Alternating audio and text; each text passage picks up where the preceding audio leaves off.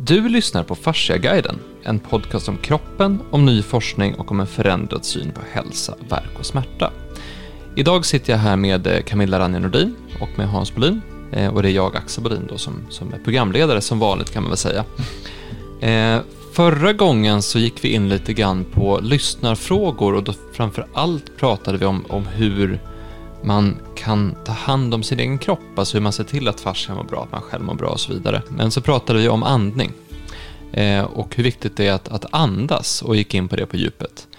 Eh, så nu tänkte jag att vi skulle fortsätta på lite samma spår, men prata om rörelse. Eh, och då ska vi börja med att prata om, om det vi går på, alltså om våra fötter. För då har du hittat en, en intressant eh, forskning om fotvalvet, Camilla. Ja, eh, nej men, men med tanke på det här med, vi pratade om att gå på fötterna och, och vara jordad då. Mm.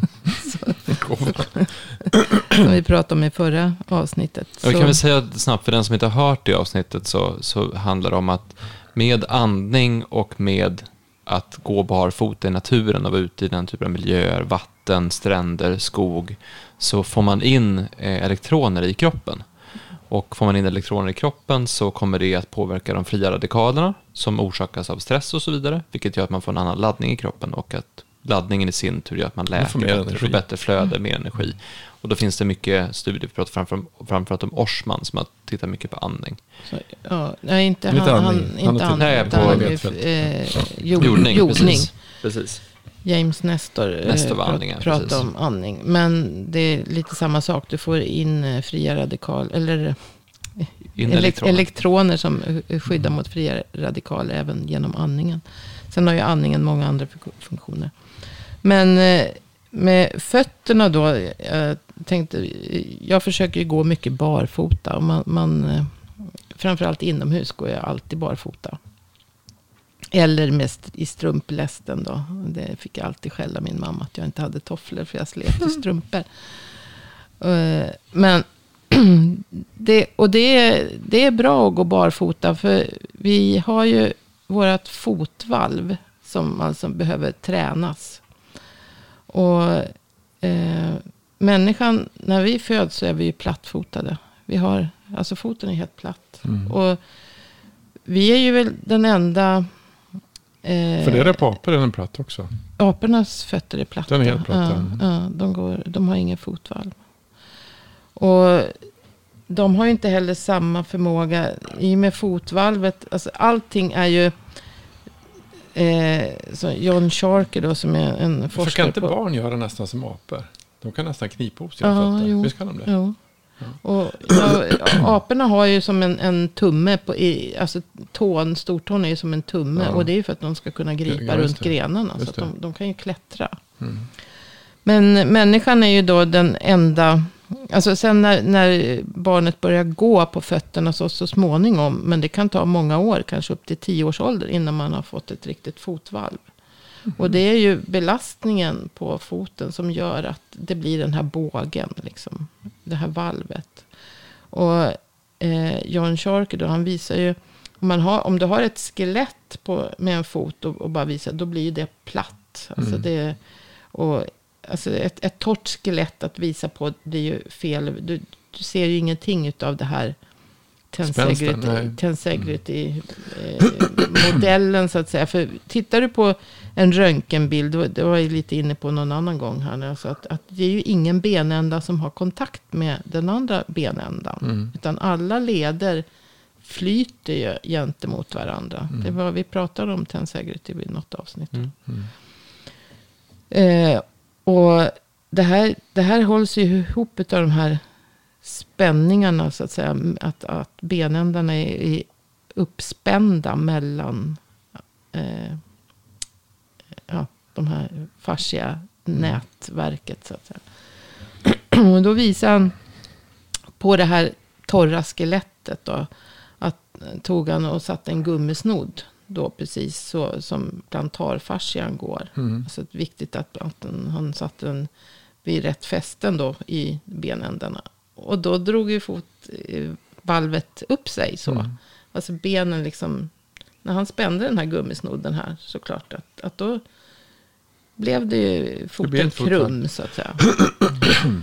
Och det är ju så den blir sen utav belastningen. Så att beroende på vilken belastning, och det är ju hela kroppen är ju så egentligen. För att barnet när det föds så är det ju också med en krumrygg. Alltså mm. vi ligger, mm. barnet ligger ju Sådär, ja, eh, med en, en böjd rygg. Och, och det är ju så de ser ut när de kommer ut så att säga. De ligger med benen upp och armarna mm. upp och, och liksom väldigt som en skålformade då. Så att säga. Och sen allt eftersom de börjar krypa, sen börjar de att resa och sen mm. så får vi den här kufosen i huvudet och sen lordos, kufos, lordos. Liksom, mm. Med alltså, olika böjarna på, på ryggraden. Eh, och det alltihopa hålls upp utav men det är därför det är så intressant när man, när man ser... När man ser Tändsäkerhet i modellen. Alltså, tändsäkerhet, därför tändsäkerhet, om du har ett problem i en, i en disk. Så är ju problemet inte disken, problemet är mm. någon annanstans. Mm. Och det som är intressant med... Men att man, om man ser den bilden som du ritar upp nu. Mm. Då förstår man att det är något annat. Det är den spänningen som är. Den kan ju förändras beroende på vad du gör för någonting. Mm. Eh, och blir man av med den, det, alltså blir man av det trycket eller ändrar det trycket kommer man ju också ändra en massa mm. andra saker som finns. Mm. Men är det han, den här som du berättade om nu, är det han som var på föreläsning i, i Berlin? Är det inte? Nej, det är Daniel Lieberman. Jag tänkte jag skulle berätta om det. För det, det, han, Lieberman. Ja, li, ja, men, Lieberman med att springa. Ja, precis. Mm. Men det är också, det han gjorde, det var en av de, jag tycker, roligaste föreläsningarna på Fars Research Congress 2018. Jag har faktiskt sett den tre gånger, för vi har den inspelad också. Mm. Var den så rolig? Ja, jag tror den var kul. Ja, men, det, men den var kul faktiskt. För det, det som han pratade om var att, att Eh, med fascia så har vi fått ett nytt perspektiv. Alltså vi, förstår, vi kan titta på saker på ett annat sätt. Och då valde han att titta på evolution utifrån ett fascia-perspektiv. Mm. Men han valde att titta på det med två saker. Han pratade om IT-bandet och plantarfascian. Hur har de här utvecklats? För då kan du titta på människan som, som alltså han, hans uppmaning till oss var att tänk på Darwin, liksom. tänk på, på evolution, tänk på vilka funktioner vi har och varför vi har dem, vilka rörelser vi är utsatt för och varför, varför vi rör oss som vi rör oss. För det här skulle då bli sätt att förstå löpning, vilket var slutklämmen. Liksom. Så jag kommer dit också. Men det han, det han pratade om var att vi som, vi som art hade en kraftig miljöförändring, vilket gjorde att det vart längre avstånd mellan träden där vi bodde. Så att vi skulle ha mat och då fanns de i, i träden, precis i djungeln. Men sen så vart det en förändring som gjorde att vi, vi klarade inte, vi, alltså det var för lite mat i varje träd, så vi behövde gå ganska långt mellan träden. Så det var ena biten, att vi hade ett, ett, ett längre avstånd och sen fick vi ännu längre avstånd mellan maten, vilket gjorde att vi gick alltså fruktansvärt långt. Och ska du gå långt som en apa, en apa går inte på två ben. De hoppar ju fram på fyra. Mm. Och går du på två ben så sparar du mycket, mycket mer energi. Det är mycket mer energisnålt. Mm. Då visar han att en, en, en gorilla eller vad det var, när de var en schimpans, som är ganska lik oss i eh, alltså, ursprung, så eh, två ben var, jag tror fyra gånger mindre energi att gå på två ben jämfört med att gå på fyra. Så att, för att kunna gå på två ben så behövde vi utveckla en, en viss typ av av eh, eh, balans eller tensegrity-struktur och därför var den här plantarfascian väldigt viktig å ena sidan, men sen också IT-bandet som är väldigt viktigt för att hålla bäckenet på plats och den här rörelsen på plats för att vi ska stå, kunna stå upp. För ska vi stå mm. upp så måste ju bäckenet vara i en viss typ av position. Mm. Så att då har vi utvecklat det och så vidare. Och sen så hade vi, eh, det var vi och en annan ras, alltså Homo sapiens var ju vi då, mm. som sägs som heter Homo genus om jag minns rätt som var samtidigt. Och vi satsade på högkvalitativ mat. De satsade på mycket lågkvalitativ mat. Och därför vann vi. Så, för vi var de som, som klarade oss längst. Ehm, och då utvecklade vi unika egenskaper. Det ena var att vi tog fram verktyg. Så vi lärde oss att bearbeta mat och sådana saker.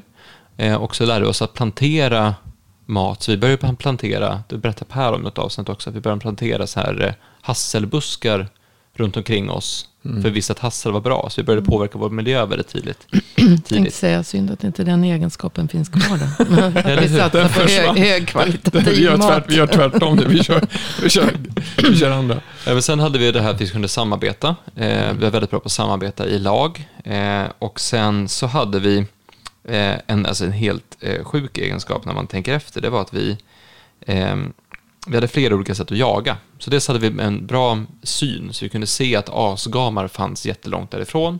Så kunde vi gå dit och så kunde vi äta maten då som ett annat djur hade, hade dödat, alltså restprodukterna. Eh, men det som vi framför allt hade var att vi hade en unik förmåga att springa ihjäl djur. Gå igen ja, det, Vi gick ja. jogga. Ja. Jog, jogga eh, människans joggingtakt är den snabbaste joggingtakten av alla djur. Mm. Så det finns inget djur som kan jogga lika snabbt som människor. Så då springer de... Så vi tröttar ut dem. Precis, en sån antilop som vi jagar till exempel. Då, då springer antilopen snabbare än oss. Mm. Men sen så när vi har jagat den i fyra timmar. Ja, precis. helt slut. Ja.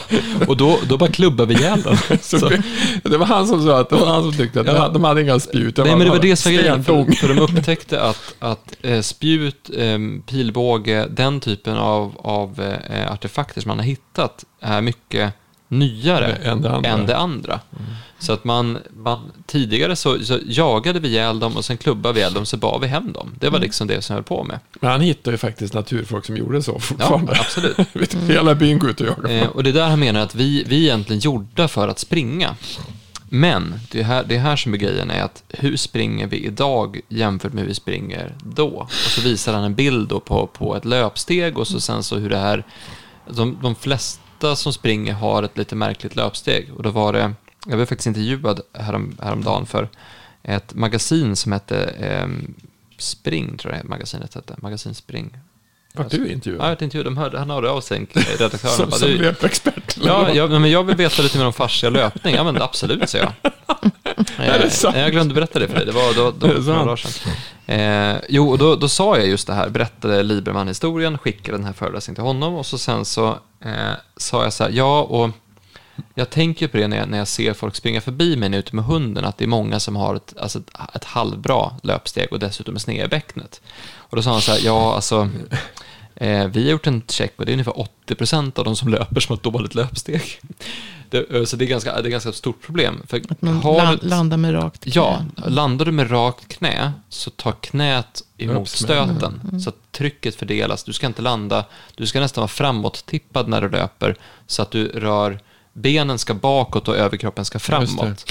För att få in den här, alltså det blir ett naturligt flöde i steget. För att om du landar fel... Vad hette den amerikanska 400 meterslöparen som sprang så här? Alla försökte lära sig. Alltså sprang helt rakt? Johnson. Ja, Mike Johnson, precis. Han sprang ju. Eh, nej men det är det, för då blir det en annan typ av flöde i steget och då blir det inte just den här hårda stöten när man landar, mm. utan du landar mjukt som en springbräda och det är så vi gjorde för att springa. Men det var det han tittade på, att eh, de flesta löpskor är inte gjorda för det. Utan vi gjorde för att springa barfota. Mm. Därför är det, det, det är det vi har gjort. Det vi, mm. vi gjorde för att använda det här valvet som du mm. pratade om, mm. plantarfasciten. Mm. Eh, och just att eh, plantarfascian och, och att eh, springa barfota. Och det märker de som har byggt här barfotaskor, att de springer mm. på ett helt annat sätt. Då springer de med fot och springer med, med framfötterna. Precis, så att när man tittar på löpning så är det intressant att titta på det utifrån ett evolutionärt perspektiv. Alltså vad har vi använt vår kropp till? Mm. Um, och där har vi, alltså, så att när du pratar om fotvalvet nu, så gick jag direkt igång på det här. För det, det, det är ett väldigt häftigt, det är fantastiskt häftigt att se vilka rörelser vi har utvecklat och använda sig av. Mm. Sen var det ett annat föredrag som jag tror jag tagit upp tidigare från från First Research Congress 2018. Då var det hans, eh, Liebermans eh, kollega som, hade av, eh, som pratade om den unika rörelsen som primater har. Att vi kan eh, rotera vår överkropp. Mm. Så att de flesta djur kan ju, kan ju gå. Mm. Eh, och med, fyrfotdjur kan ju gå liksom och springa sådär. Men vi kan rotera överkroppen och sträcka på armarna. Så vi kan göra, vi kan göra klätterrörelser, vi kan göra kaströrelser, vi kan göra eh, slag. Och det här kan ju inte en, en häst eller en hund. Mm. så. Och det är en väldigt unik rörelse, vilket gör att vi har en, en fördel jämfört med många andra arter i att vi kan ja, men gå på två ben och göra den typen av rörelse. Var du med när jag klättrade? Var du, för med någon gång? Nej, det var inte. Klättring var ju jätteintressant. Alltså, eh, jag hade en kille som jag träffade, han, han eh, jag var extremt höjdrädd, så vi ska lära dig klättra. Det var ju skitsmart. Jag fick klättra fem meter, sen så ta ner mig. Jag var frös, men sa du måste komma över det. Så jag, jag kommer upp i sådana var sådana 35 meter. Det intressanta är ju att du måste, du, du, du klättrar väldigt mycket med ben och armar ihop. Mm. Och, det, och det här är inte så, och det häftiga var att från början, man så otroligt stark i händerna. Alltså du måste använda händerna på ett annat sätt som man inte gör. Och du måste också använda fötterna. Du har speciella klätterskor som man har. Som, som, man, som är mycket lättare. Och det var otroligt intressant hur man kan koordinera och hur... Det är ju så barnen kryper också. exakt, så du gör så. Och då sa han att du är ju perfekt. Som, jag, jag är ganska lång, 1,84 lång och så väger jag inte så speciellt mycket. Så det är han, var ju som, han vägde 95 kilo. Och han var ju, det var ju som han skulle upp med allt det där. Men det var jätteintressant att se hur man, hur man kan utveckla klättring. Och vad intressant det är för kroppens rörelse. Mm. För då använder du hela rörelseapparaten samtidigt. Och under... Och det är väldigt krävande för att det är så mycket statisk eh, träning. Alltså du, du, du, ska hålla dig uppe. Ja, så det, och det, är, det är jobbigt. Det, det är en annan sak som jag hade med förra gången. Att i klättring är det otroligt viktigt att andas. Ja. Så att när du sträcker ut, du måste hela tiden ha en, en lugn andning så att du får ner. Så du, du, du klättrar inte så här, utan du klättrar väldigt långsamt. Man stannar av, andas man, och så tar man tittar på nästa ställe, och ska vi någonstans nu? Och så sen så, ja, då tar vi där, och så går vi så, och så, så. Så det är väldigt harmoniskt, alltså både mentalt och mm, fysiskt, mm. alltså avslappnat klättra. Det tror man inte, men det är det. Och så är det högt. så blir man rädd. Måste du andas. Eh, men, men eh, John Sharkey, han menar alltså om vi tappar fotvalvet. Vi, vi har ju skor olämpliga, alltså skor dåliga ur flera bemärkelser. Dels det här med jordningen, för vi har gummisulor. Mm. I förr hade man lädersulor. Mm. Alltså på, samerna har ju väl fortfarande lädersulor på.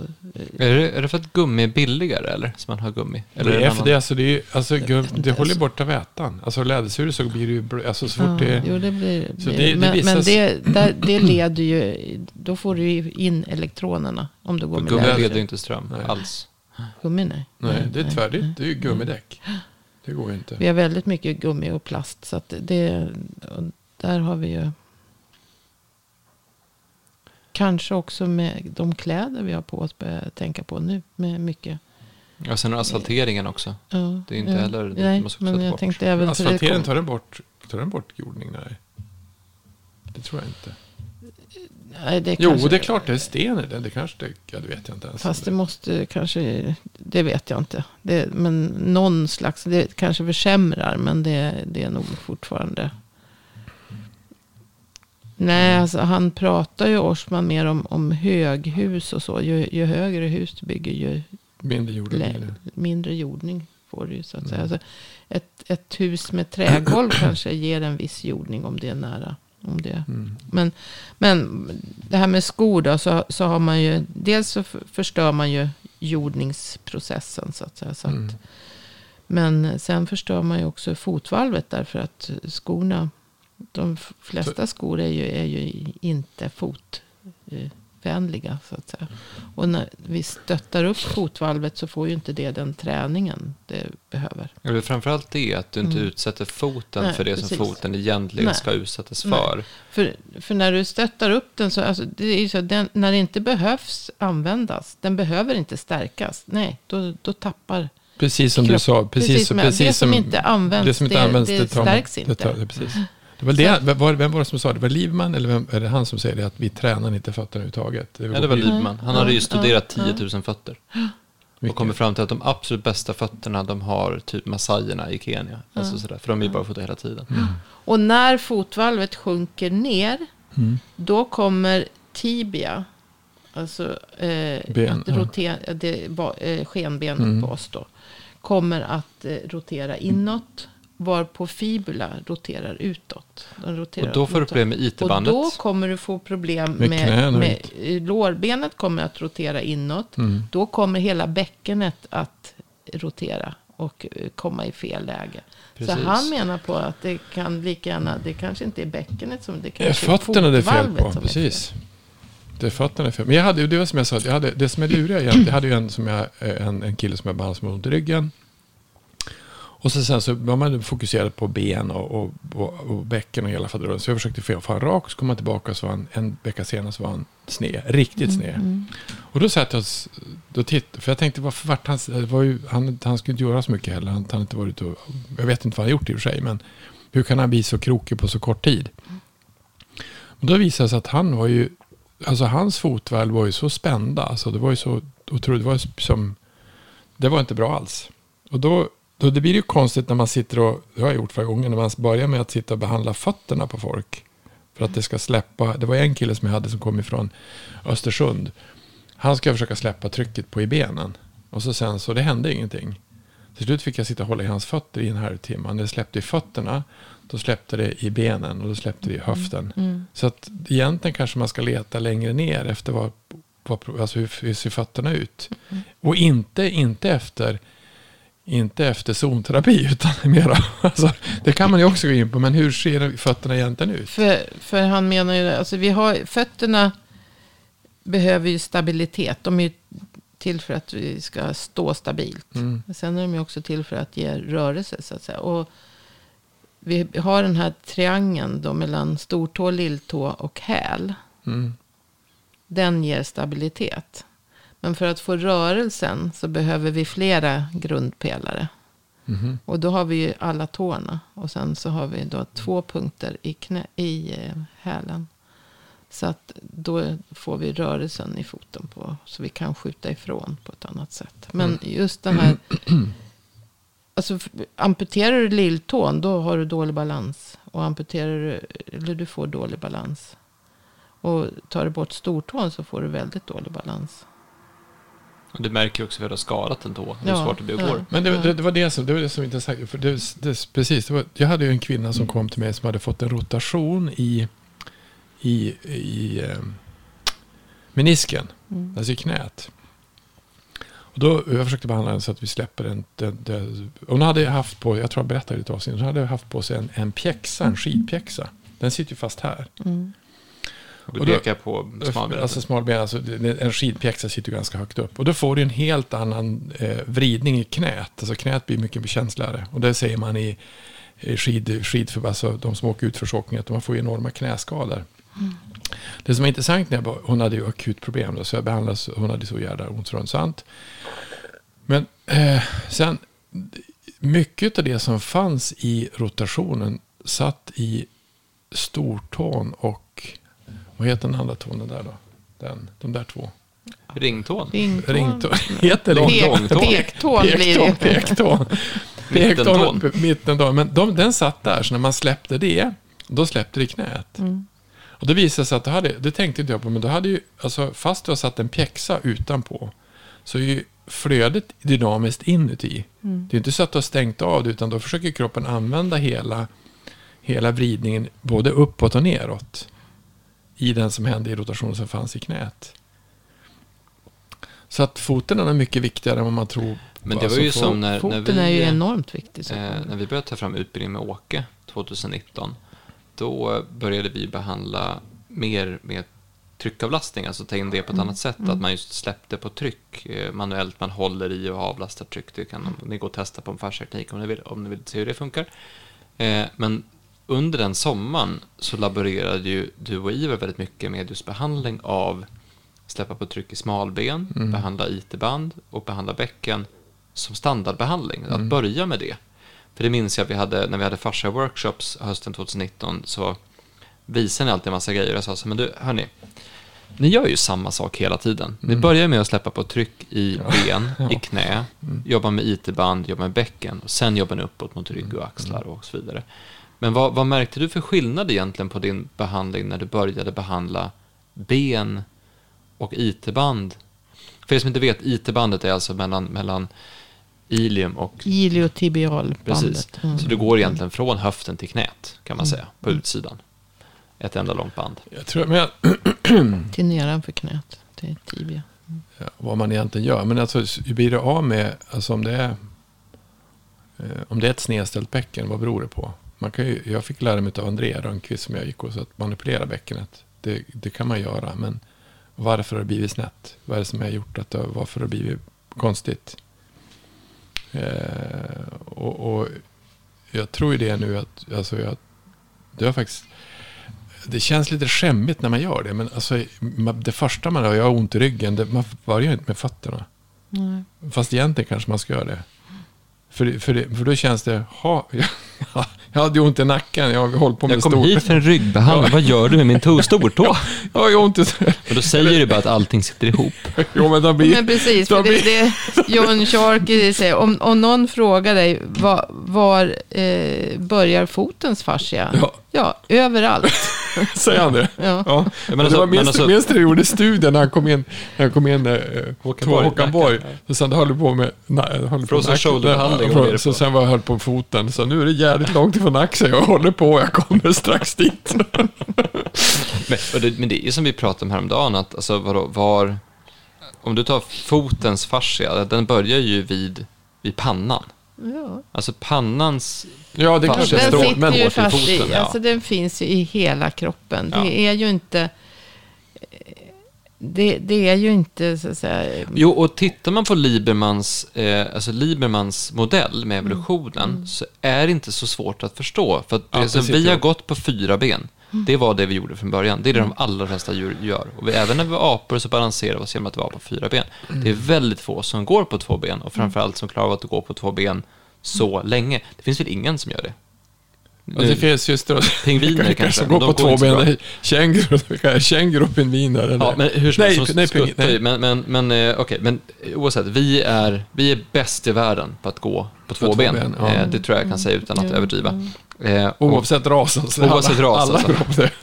vi män, som människor, vår, våran art är väldigt bra på det. Mm. Eh, men om man tittar på den rörelsen, att, att gå från att vara framåtlutad till att böja sig upp, då måste du ha en, en mekanism som sträcker upp hela ryggen och den måste gå från fötterna. På samma sätt som att du har någonting på andra sidan som håller emot det här så att det, så att det faktiskt håller sig uppe. Det är en ganska avancerad sak att gå på två ben. Det är ganska mycket som ska spännas efter med tanke på att det finns ett tryck dels uppifrån men sen från all typ av rörelse som vi gör. Så det är inte så konstigt. Mm. Och det är det här som till exempel Majers gjorde med sina fascialinjer, att man tittar på hur, hur överförs rörelse och var fastnar rörelse. Och det här är folk som har jobbat vidare på och tittat på, men vad, vad innebär rörelse för kroppen då, som jag pratade om den här, den här eh, kollegan till Lieberman som jag glömt bort namnet på, som just pratade om den här, den här vridningsrörelsen. Han pratade om att kraftansamlingen vi kan få i till exempel ett spjutkast eller ett, eller ett slag eller Alltså även om vi sparkar till en fotboll så använder vi samma vidrörelse av överkroppen och höft när vi mm. hämtar kraft egentligen från ena benet upp genom hela kroppen till armen och att vi använder just hela kroppen i den rörelsen så att, så att kroppen sitter ihop. Och förstår man det, då är det inte så konstigt att man börjar att behandla ryggen genom att, att behandla foten. Men jag tänkte, jag satt och pratade med, för vi håller på lite grann med ridsport och sen hörde jag att Eh, Fredriksson, Peter Fredriksson, han, han tittar på om man kan träna sina fötter. För är kanske ändra skor, för att de är väldigt trånga skor. Mm. Alltså ryttare. Men han menar att... att, att de har väl stövlar? Ja, de har ju... Ja, men att fötterna ska vara så utsprätat ut så mycket för att det blir så bättre balans. Ja, precis.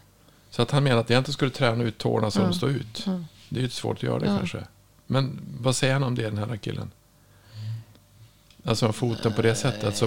Det vet jag inte om man sa någonting om just det. Men, men det är ju klart att om du kan spreta spreta med tågymnastik har man väl hört talas om. Spretar du med tårna så får, då sprider du ju ut de här stödpelarna så att säga. Du kan ju det, prova att spreta med tårna, eh, för det händer ju saker i foten. Sen, sen har du ju, eh, det kanske vi har pratat om förut, men just det här med, med balansen och proprioceptorerna som finns i fotens retinakel som det heter. Alltså det här fasciahinnan som mm. sitter runt själva vristen. Mm. Det finns ju motsvarande i handleden också. Men den, den, det är en ganska tunn eh, fasciahinna. Nu låter det som att det bara är ett lager. Men den har ju självklart kontakt med allt annat. Mm. Eh, men som... Eh, alltså den, den är så tunn, men den, den är ju mer där för, för eh, nervreceptorernas, alltså proprioceptorerna som ska tala om hur vi, i vilket läge vi så att säga får ner foten. Mm. Inte så mycket för att stabilisera eh, senor och så. Det säger han också att om man, folk tror att eh, eller även läkare, tror att om du tar, klipper loss den här retinaklet runt om bristen. Mm. Mm. Så ska senorna poppa iväg. Men det gör de inte. De sitter där de sitter i alla fall. Utan mm. det här retinaklet är inte tillräckligt. Alltså funktionen utav det är ju mer i, i för I att, den, att känna efter. Ja, för att känna ett, efter med all, ja. Och det är så enormt mycket proprioceptorer just Det var där de hittade de nya eh, nervändarna också, som inte visste också. De satt också i, i hälen va? Ja, de har hittat så fruktansvärt mycket hälen och Det är samma sak på hästarna då, just nere vid ballarna och... och... Mm. Men, och då, det blir som vi tar... Ja, vi, vi kan inte, vi kan inte ha hästar. Hästar, Nej, hästar, hästar. hästar. Vi kommer göra specifika hästar. Förlåt att jag nämnde det. Hej, Axel här. Jag hoppas att du tycker att dagens avsnitt är intressant. Eh, jag tänkte höra av mig till dig direkt, du som lyssnar nu, för eh, jag skulle behöva din hjälp med en sak. Jag brinner för att hjälpa människor att utvecklas och uppnå sin fulla potential och jag tror verkligen på det här med att ge kunskap om kroppen på ett enkelt sätt. Samtidigt som vi driver Fasciaguiden så har vi utvecklat ett bolag som heter Fasciaklinikerna där man faktiskt jobbar med, med behandling och jobbar med att hjälpa människor som har ont. Nu ska vi starta fler kliniker och då söker vi folk som vill driva de här klinikerna. Så att om du vet någon som är bra på att driva företag eller som vill driva företag och som samtidigt vill jobba med att hjälpa människor så får de jättegärna Gå in på fasciaklinikerna.se starta klinik och hör av sig till oss och gör en intresseanmälan. För eh, vi hoppas verkligen att fasciaklinikerna kan förändra sättet man ser på och bedriver vård och det jobbar vi outtröttligt för. Så vill man jobba med oss och hjälpa oss med den visionen så får man jättegärna göra en, en intresseanmälan och så tar vi det därifrån. Vi, vi, kanske inte har förstått hur viktig foten är. Det menar han, Lieberman, att det var, det var ja, absolut. Ja, eller det som, det som är en av slutsatserna är att vi kanske inte, vi kanske tänker för lite på Darwin menar han då. Att vi mm. tänker för lite på evolutionen, vi tänker för lite på var vi kommer ifrån. Eh, och det är inte sagt att vi alla ska sluta bo i städer som vi gör och det börja leva i hyddor liksom, eller börja bygga nya jägar-samlar-samhällen. Det är inte det man menar. Eller hur? Men att man, att man börjar bli medveten om vad en, ens kropp faktiskt är skapt för. Det är det vi pratade liksom om det här tidigare, vi pratade om att man eh, man är det man gör. Alltså du blir vad du gör, du blir vad du äter, du blir vad du tänker. Och att man förstår just vad, vad kroppen faktiskt är gjord för. Och börjar få respekt för att kroppen faktiskt är rätt gammal. Alltså den har varit med ett tag. Vi har, vi har förfinat den här kroppen väldigt, väldigt länge. Vi har lärt oss att gå på två ben. Vi har lärt oss anpassa oss efter ekologiska förändringar. Vi har lärt oss anpassa oss efter saker som har hänt. Men samtidigt har vi gjort väldigt, väldigt mycket de senaste 100-150 åren har vi förändrat vår miljö väldigt mycket. Mm. Och att börja ha, alltså med, med det sagt så det är jätteviktigt att röra sig. Eh, det är jätteviktigt att, att, röra sig på ett sånt sätt att det är roligt. Alltså, för då, om man tycker att det är tråkigt att röra sig så rör man sig ju inte. Men om man då till exempel, vi säger man spelar fotboll till exempel, eh, eller spelar paddel, ja men då är det bra att man funderar på hur rör jag mig när jag gör det här? Mm. Vad får det här för konsekvens för min kropp? Vilket tryck skapas i kroppen när jag gör det här? Och vad kan jag göra parallellt med det för att komplettera med det? Mm. Och där ser man ju många elitfotbollsspelare till exempel som har börjat hålla på med, med olika typer av yoga eller rörelseövningar. Eh, vissa som bygger mycket eh, tryck på ett sätt, håller på med simning för att släppa av det på ett annat sätt. Alltså vad, vad gör vi för att, att kompensera för att vi gör en tokig rörelse? För att, alltså, att spela fotboll, förlåt alla fotbollsspelare, men det är inte en bra rörelse. Det är en ganska farlig rörelse på många sätt, men det är väldigt, väldigt kul. Den, men jag förstår att om du säger, för om vi tar till exempel en sak som om löparknä, då är egentligen det, som vi sa då, det är en, en, en, en, en, en sak som beror på att du har haft fel skor på det och du har sprungit på fel sätt. Så istället för att stötdämparna i foten så tar du stötdämparna i knät istället. Ja, stö, inte bara stötdämparna i foten utan om du landar med lite böjt knä. Ja. Ja, så, får, får, så får du ju liksom en, en elasticitet, elasticitet ja. i hela benet. Så att det är inte bara foten som tar stöten utan du får ju, du får, får hela höften. får ju all, med stötdämpning hela vägen upp i, i höft, höft och även rygg. Du vill ju sprida stötdämpning. Du vill inte ha stötdämpning på ett ställe. Nej. Men då skulle man kunna säga, jag hade försökt skriva till en, en svensk skidåkare som var det. Alltså skidåkning, om vi tar vissa av de här sporterna som finns, de, de är ju så hög belastning på vissa ställen att man kommer ju få problem. Mm. Alltså om man till exempel tar skidåkning framåtlutad eh, med, en, med Vet, alltså både, bägge grejerna de gör så har de en väldigt stor belastning på, på, på benen och de är väldigt starka. Men det som jag kanske inte tänkt på det är att det blir också en märklig belastning på foten. Mm. Så kanske orsaken till... Ja, i pjäxan. Mm. Så att eh, det kanske skulle vara att de ska träna, de ska kanske träna mera utav att få en, ett annat fotvalv, eller på ett annat sätt. Eller kanske ha någonting i skorna som gör att de belastar fotvalvet på något sätt. Mm. Eller hur? Ja, det, det, finns ju någonting så, som heter barfotaskor. Va? Mm. På skidor också? Ja, det vet jag inte. Nej, det tror jag blir för kallt. Nej, men... Nej, men alltså om man, Nej, om man, ser, om man ser, skor om man ser... Som, som fungerar så att foten ska få den belastning som... som det finns ju Nej, men om, men om, du ser, om, du ser, ja, om du ser det från ett idrottsperspektiv så många, alltså om man tittar både på hur man sitter, så att ryttare kommer bli väldigt på, på, mm. i höftböjen, som kommer att på, påverka ländryggen. Men det kanske man ska se, inte bara så, man kanske ska också se på som Fredriksson kollar, vad gör jag min fot? Mm. Om den sitter i för trånga skor, mm. ja, det kommer ju också påverka min balans. Mm. mm. Han menar att mycket när du hoppar, så när du står i stigbygeln och ska göra saker, så måste ju balans, du står, de har ju balanserat på mm. fötterna. Mm. I och för sig så har de ihop sig med, med men han menar att det, det, det, är som det är balansen. Det måste gälla hockey och fotboll också, för det är också det måste trånga skor. Många idrotter kanske är helt andra saker man ska titta på. Och då kanske de ska träna för det första sätt, hitta ett sätt att behandla eller, eller göra någonting så att de kommer tillbaka till en annan homostas i kroppen än bara den som är statisk. Men även kanske träna fötterna på ett helt annat sätt.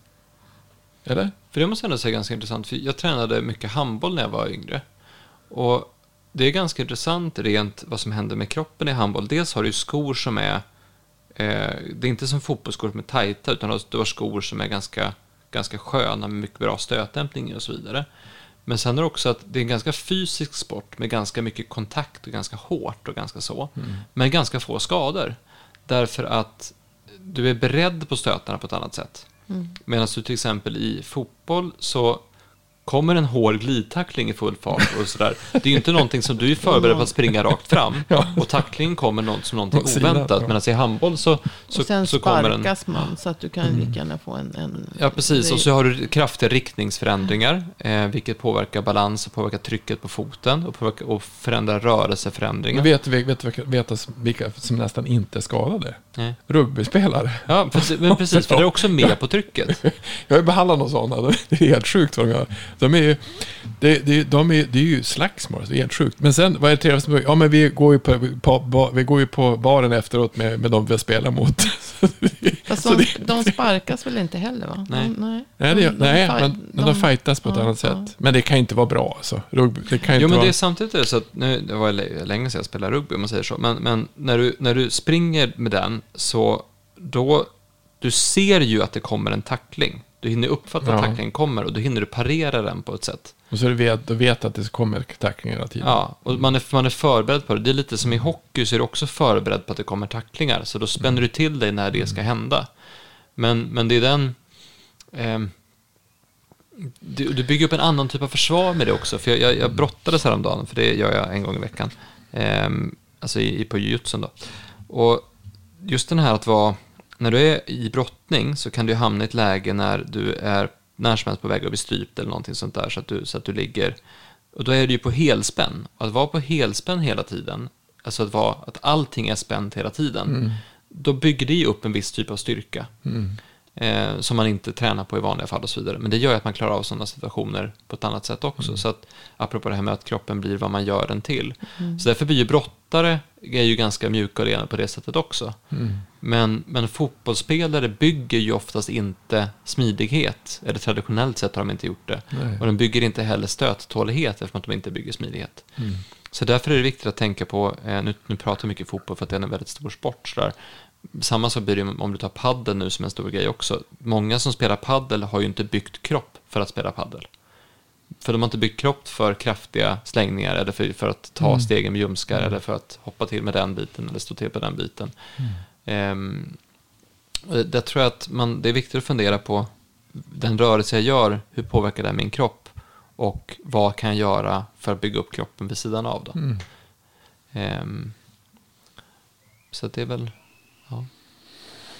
För röra, röra sig ska vi göra. Röra ska vi göra. För om vi inte rör oss Men hur, ska man, hur menar han man ska träna foten då? Eftersom man inte gör det.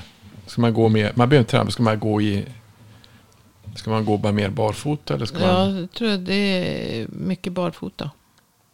Inomhus du, eller utomhus? Både och? Både och. För då blir det ju en, om du ser... Alltså ut, ja, framförallt inomhus. Om, det kanske är svårt att gå barfota utomhus beroende på hur man bor. Men ja, men menar, har man möjlighet, alltså utomhus så har du ju jordningen. Så att det, där... Mm. Men det du menar då att om man inte gör det. Det måste vara viktigt för barn. Det måste vara viktigt för alla från början också. Att ja, man, att det är man... ju viktigt att inte sätta skor på barn för, för, för tidigt, alltså, för tidigt och i, i onödan. Så att säga. Ja. Och för om det blir så här, då är det så att om du får den, den effekten på, på skenbenet och den effekten på knät och den effekten på hela höften. Det blir ju jättebökigt att mm. ändra till då. Ja. Eller hur? Ja.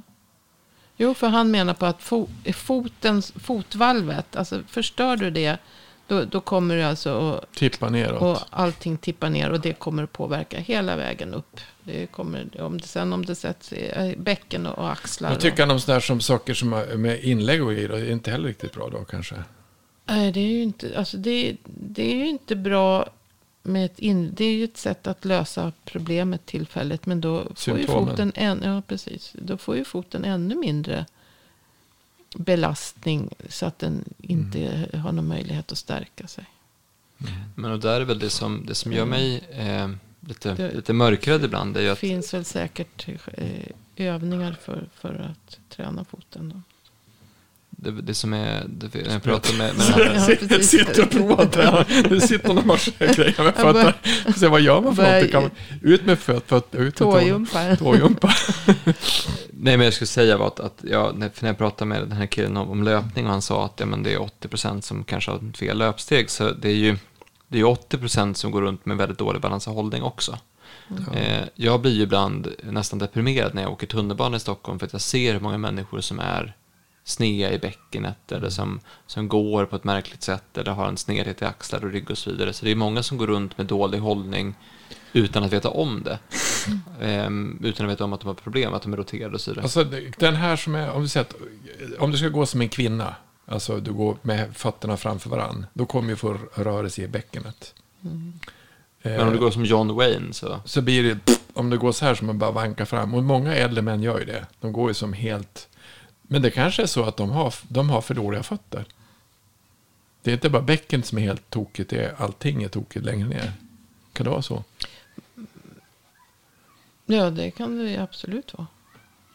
Alltså, att man, men, men när jag var liten, jag för mig, visst, de kollar ju fotvalven på en på någon undersökning ganska i skolan. Men inte också ja, för men, gjorde, men gjorde de någonting åt det? Ja, det alltså, alltså, säkert inlägg. Mm. Ja, du, istället för mm. tvärtom. Mm. Du ska mm. egentligen gå utan inlägg.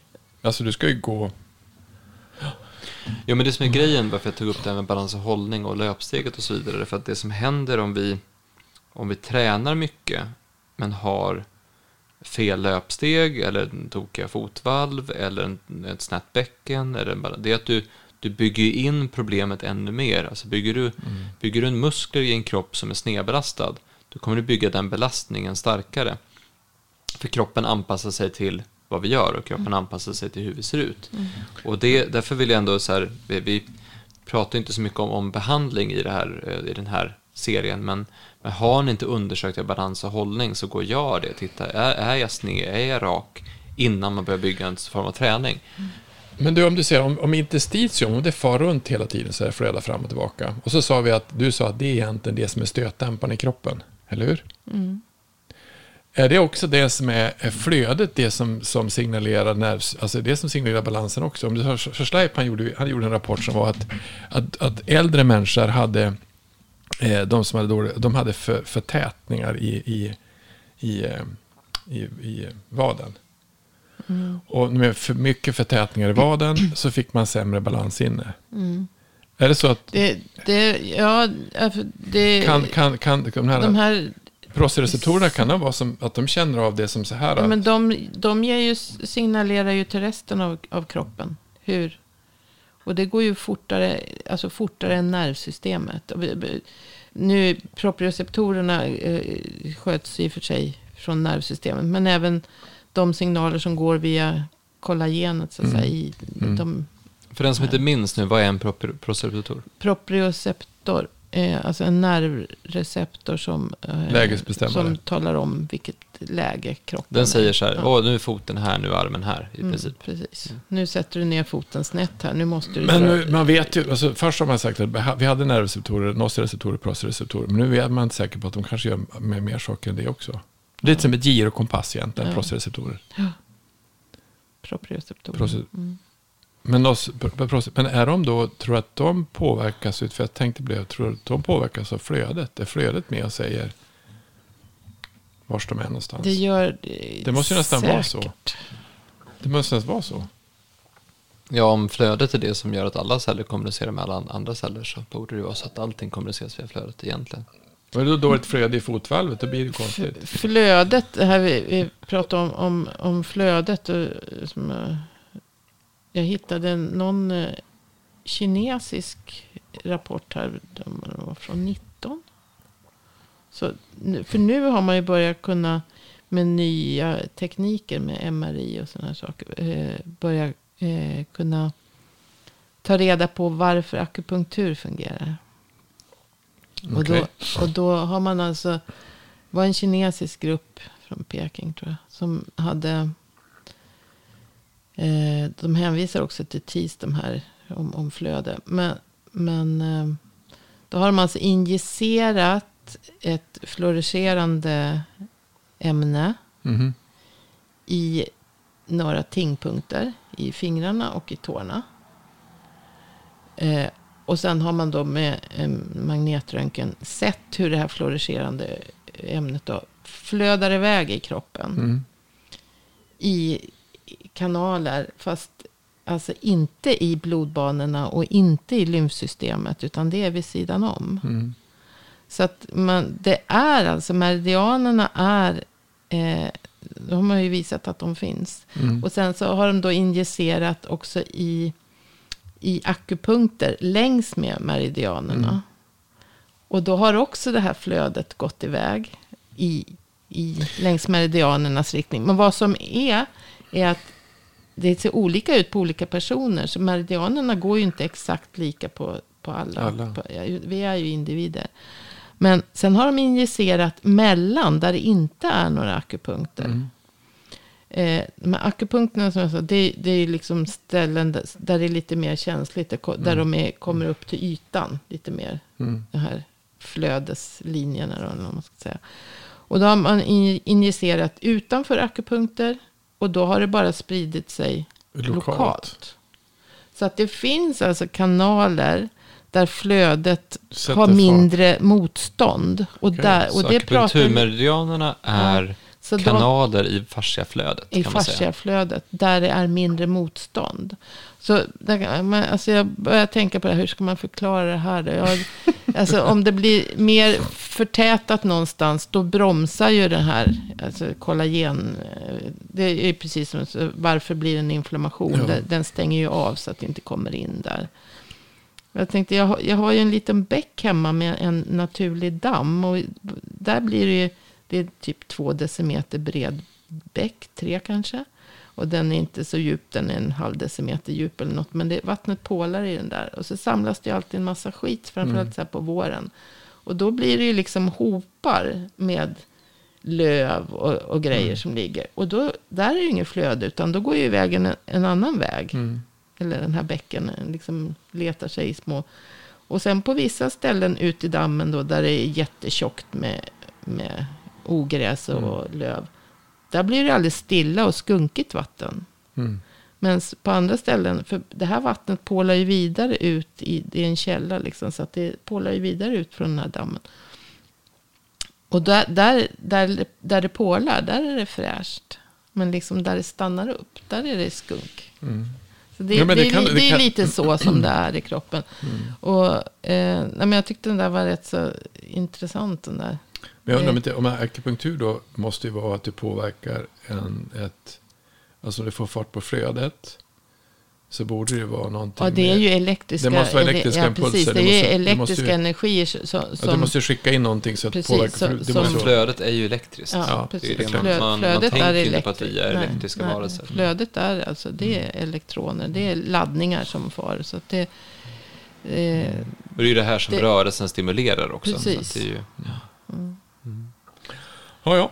ja. Nej, men så det, det är bra att tänka på hur man rör sig helt enkelt. Absolut. Och att man ska röra sig jätteviktigt. Och så sen förstå, tror jag, inte som jag tycker det är lite konstigt, fotvård. Alltså foten tycker vi är konst. Alltså, varför tycker vi illa om foten? Har det fotsvett? Eller? Alltså, foten är ju fantastisk. Det är det häftigaste vi har. Mm. Alltså, man kanske ska se foten på ett annat sätt. Mm. Fram med fötterna. Men, ja, men går man barfota så blir ju faktiskt fötterna fräschare. Ja, men alltså, jag, jag, jag har gjort så När jag, när jag behandlar nu de senaste veckorna så har jag gått barfota. Folk tittar på mig. Går du barfota? Ja. så titt, man, man ser lite snett på folk som går. Jag sitter barfota nu också. Ja, men. men det gör du också. Men, men eh, Nej men, eh, vad sa du? Framför fötterna? Ja, fram med fötterna. Vi säger så.